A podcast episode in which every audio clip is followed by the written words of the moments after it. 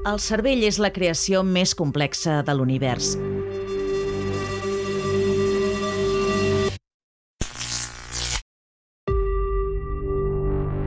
un òrgan prodigiós format per cèl·lules i electricitat que conformen l'essència del jo, una part del nostre cos tan propera però tan desconeguda que ens permet generar les més grans preguntes i alhora ens en dificulta les respostes.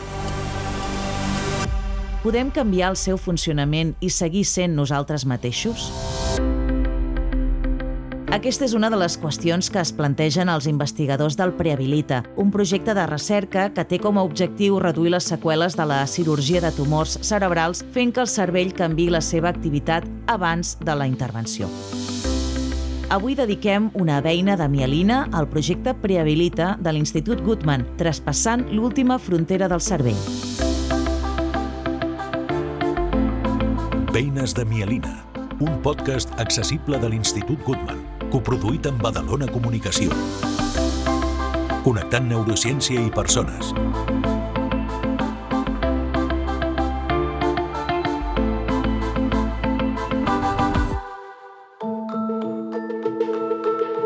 El sistema nerviós central és el punt de control del nostre cos. Integra la medul·la espinal i l'encèfal, que és la part protegida pel crani i on es troba el cervell, un òrgan format per dos hemisferis que és l'origen del moviment, la parla, la memòria o les emocions, entre moltes altres funcions. Hi trobem, en definitiva, tot allò que ens fa ser qui som. Tradicionalment, cada funció s'ha atribuït a una zona concreta del cervell, però la realitat, aquesta rigidesa no existeix. Ho explica Josep Maria Tormos, doctor en Medicina i investigador principal del projecte Prehabilita. Moltes vegades s'ha comparat el cervell amb una orquestra.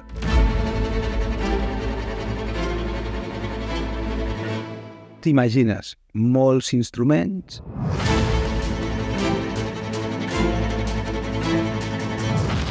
molts músics molt bons que es coneixen perfectament la partitura i que hi ha un director que els hi fa que això soni fantàstic.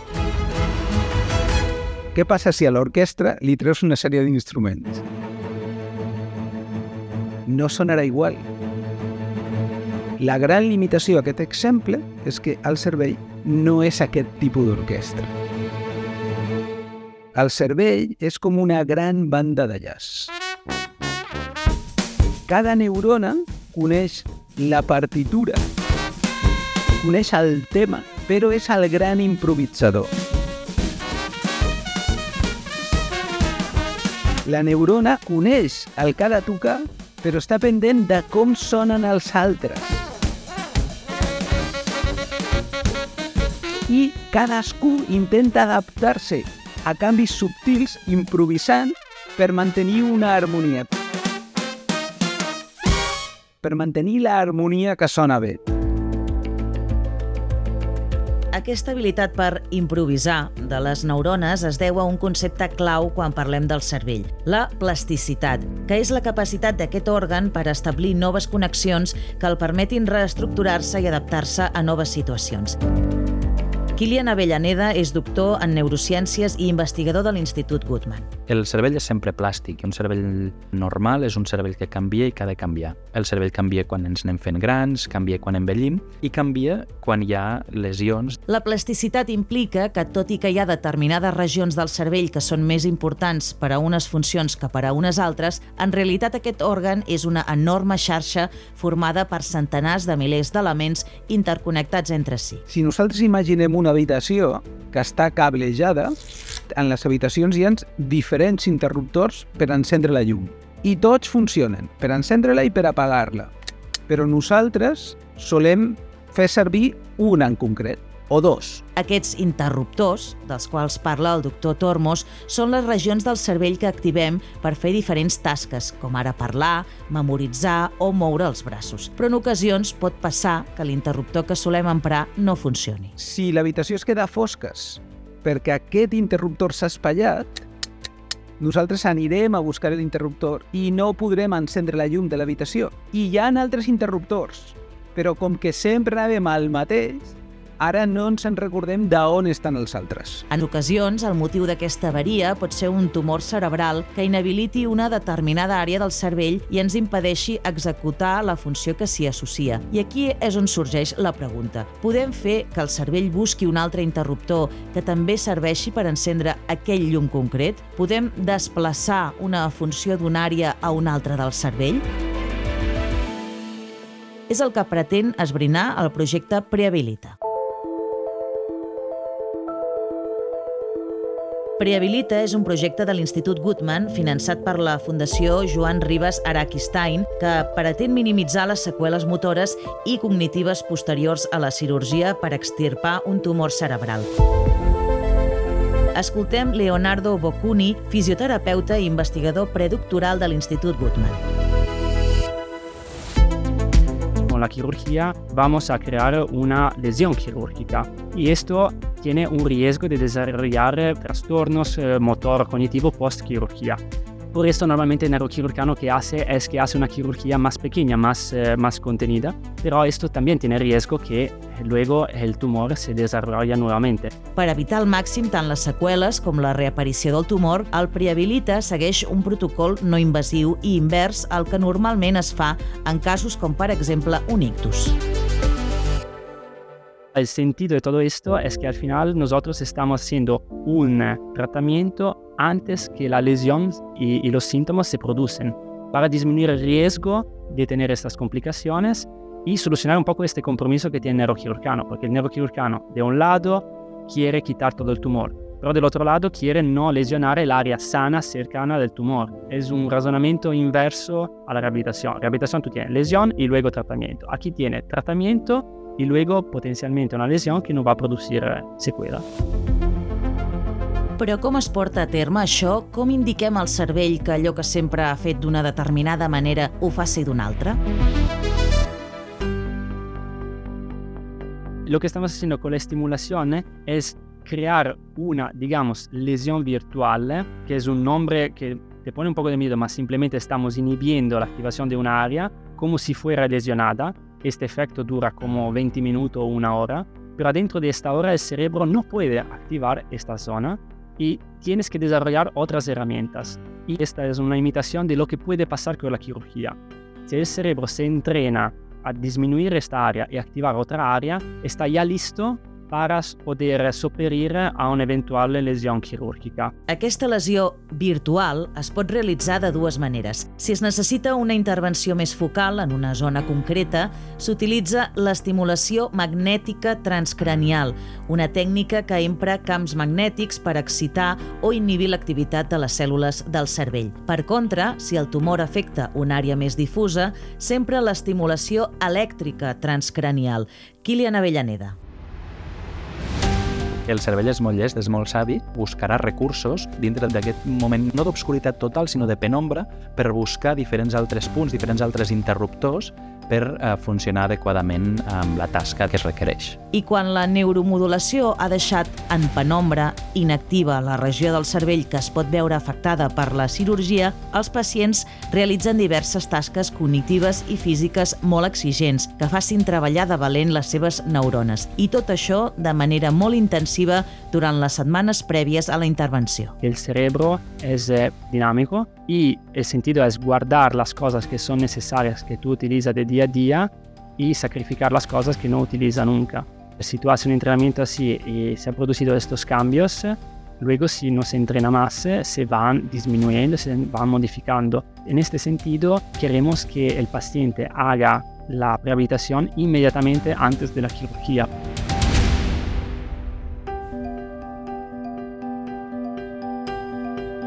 El tipus de neuromodulació i les tasques a realitzar vindran determinades pel pacient, el tumor i la regió del cervell on aquest se situï.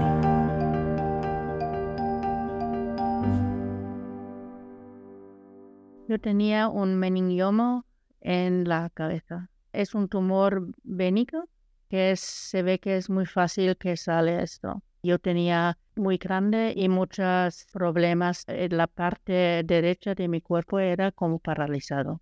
Y me hicieron una resonancia y salió eso. El traumatólogo pensaba que es en la espalda y no, que era en la cabeza.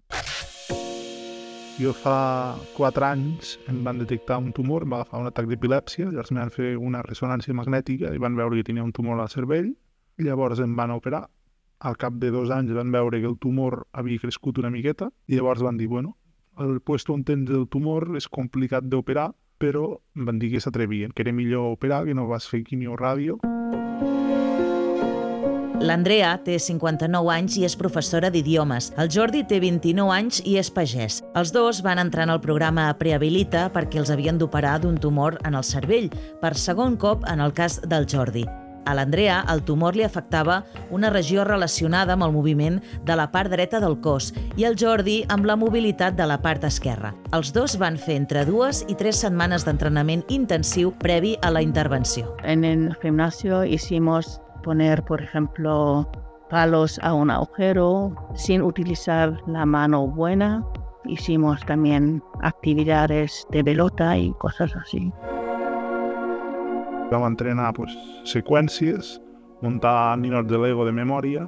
Com més complicat, millor, perquè el cervell, si va sobrat, pues, no, no s'ha d'esforçar. Havia jugat a Legos, però òbviament no amb aquest. També vam fer realitat virtual, que tampoc havia fet mai, no havia tocat, no m'havia ensenyat mai un piano, origamis tampoc, només cal que veus quines mans faig. L'Andrea temia principalment que l'operació afectés la zona del llenguatge i perdés alguns dels tres idiomes que parla, castellà, anglès i alemany. En el cas del Jordi, el primer cop que el van intervenir, quan encara no era el prehabilita, va trigar setmanes a recuperar la mobilitat total i això el preocupava. Les possibles seqüeles de la intervenció és un aspecte que es parla abans amb el cirurgià. Fran Martínez Ricarte és el coordinador de neurooncologia de l'Hospital de la Vall d'Hebron i un dels neurocirurgians col·laboradors del Prehabilita. Cuando operamos un tumor cerebral, sea bueno, malo, regular, el objetivo siempre es, si se puede, quitar todo el tumor, pero sin hacer daño. Igual o aún más importante que quitar todo el tumor es no hacer daño.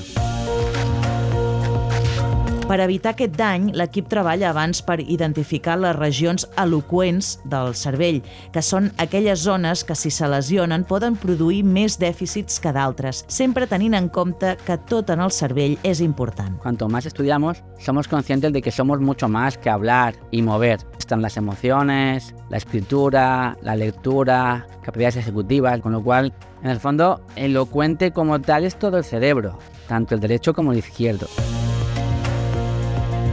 I com es pot saber quines són les zones més eloqüents de cada pacient? Depende de dónde asiente el tumor, dónde nazca, las funciones y las secuelas que puedes generar son unas o son otras. Cada paciente, persona a persona, porque tratamos personas, se tiene que valorar qué tipo de funciones tiene el paciente cerca de ese tumor y en función de eso hacer una buena planificación. De hecho, lo más importante en las cirugías cerebrales es la planificación. En quirófano no improvisamos.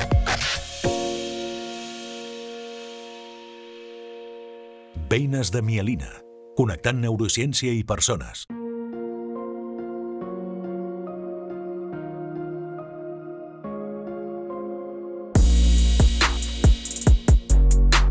Per portar a terme aquesta planificació és imprescindible veure com funciona el cervell. Històricament, l'única manera d'explorar aquest òrgan era mitjançant una autòpsia, però el 1946 es va identificar el fenomen de la ressonància magnètica, que des dels anys 80 s'aplica a l'estudi del cervell. Ho explica Kilian Avellaneda. És una tècnica que ens és molt jove, realment, no? que sobretot ens ha permès obtenir informació estructural i funcional del cervell d'una manera completament no invasiva. L'estructura del cervell, per exemple, és com de gruixuda és una part, com de gran és una part, quina forma té aquesta part, i el funcionament és com s'activen o es desactiven diferents àrees del cervell quan estem fent, per exemple, diferents tasques, tasques cognitives, de llenguatge, motores, etc. Perquè cada cervell és únic i no actua de la mateixa manera en dues persones quan fan càlculs, caminen o parlen. Se'ns activen àrees que són similars entre tu i jo, però no són exactament la mateixa àrea, no? Per exemple, imaginem-nos que nosaltres tenim els ulls a la part dalt de la cara, després tenim el nas i després tenim la boca. No obstant, no tots tenim els ulls igual de grans o igual de separats, etc. Llavors, bàsicament, Quan fem una ressonància sí que esperem que hi hagi unes regions que s'activaran d'una forma molt similar en moltes persones, però aquestes no són sempre exactament les mateixes, no? no estan sempre exactament idèntiques entre tots els voluntaris o entre totes les persones. Per tant, ens és interessant veure en cada persona on és el seu circuit del llenguatge. Una vegada identificat aquest circuit, l'equip investigador utilitza la neuromodulació per fer que el cervell deixi d'emprar aquella zona. D'alguna manera li diem aquí millor que no, fes el que vulguis. Busca't el camí que tu consideris millor. Ves més endavant, més endarrere, ves a l'altre hemisferi. Fes el que tu consideris, no li diem el que ha de fer, però d'alguna manera li diem el que no ha de fer, no? que és estar allà. Aquesta zona, en principi, el cirurgià la necessita per algunes coses que ell farà. Per tant, aquí no hi siguis i ves on vulguis, és a dir, busca't la vida. i el cervell efectivament es busca la vida. Leonardo Boccuni ens ho explica mostrant la ressonància d'un pacient del prehabilita. Aquí podemos ver la resonancia magnética pre-rehabilitación y como vemos con el color eh, lila, una activación muy focal, muy puntual a nivel del hemisferio derecho en el área de la mano. Y estos son los resultados post-rehabilitación.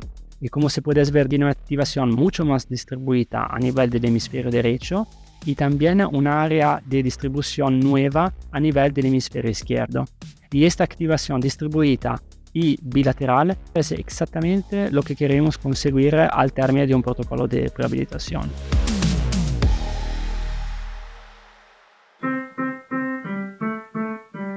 Entonces era la E, Fa cinc setmanes que el Jordi va despertar de l'operació per extirpar el tumor i avui ha vingut a Goodman Barcelona per fer algunes proves i comprovar si recorda les seqüències de piano que va practicar abans de la cirurgia.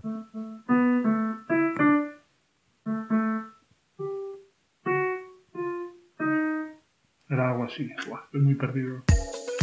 Entre rialles, el Jordi maleeix el Leo i explica que aprendre a tocar el piano li va costar moltíssim, però quan compara el postoperatori dels dos cops que l'han intervingut d'un tumor cerebral, la diferència és abismal.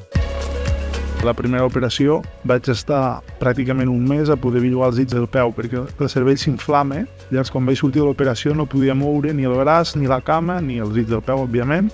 I vaig estar pues, a moure la cama, potser vaig estar tres dies, a poder caminar pues, devia estar tres dies o quatre la mà la vaig recuperar l'endemà al matí i els dits del peu un mes, i us ho dic. I aquest cop em vaig despertar i ja podia billugar el braç, la cama, tot, dic, hosti, quina diferència.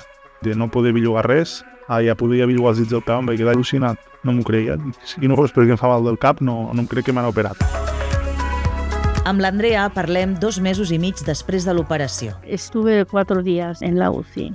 Ahí he comprobado ya que puedo levantar el brazo sin ayudarme con el izquierdo, Ya la neuróloga estaba sorprendida que tan rápido era mejora. La primera cena utilicé sin pensar la mano derecha y la enfermera me ha dicho, Ay, Andrea, ¿ves cómo estás comiendo? Digo, ah, me asusté porque hace mucho tiempo que no podía hacerlo, ¿no? Así muy bien, muy bien. Tot i les millores evidents, l'equip del Prehabilita realitza un nou mapeig de la funció del llenguatge en l'Andrea per veure com ha evolucionat la seva activitat cerebral. És a dir, busquen els punts del seu cervell que ara, després de la cirurgia, estan relacionats amb el llenguatge. Vale, ¿lista, Andrea? Uh -huh. Calcetín. Tijeras.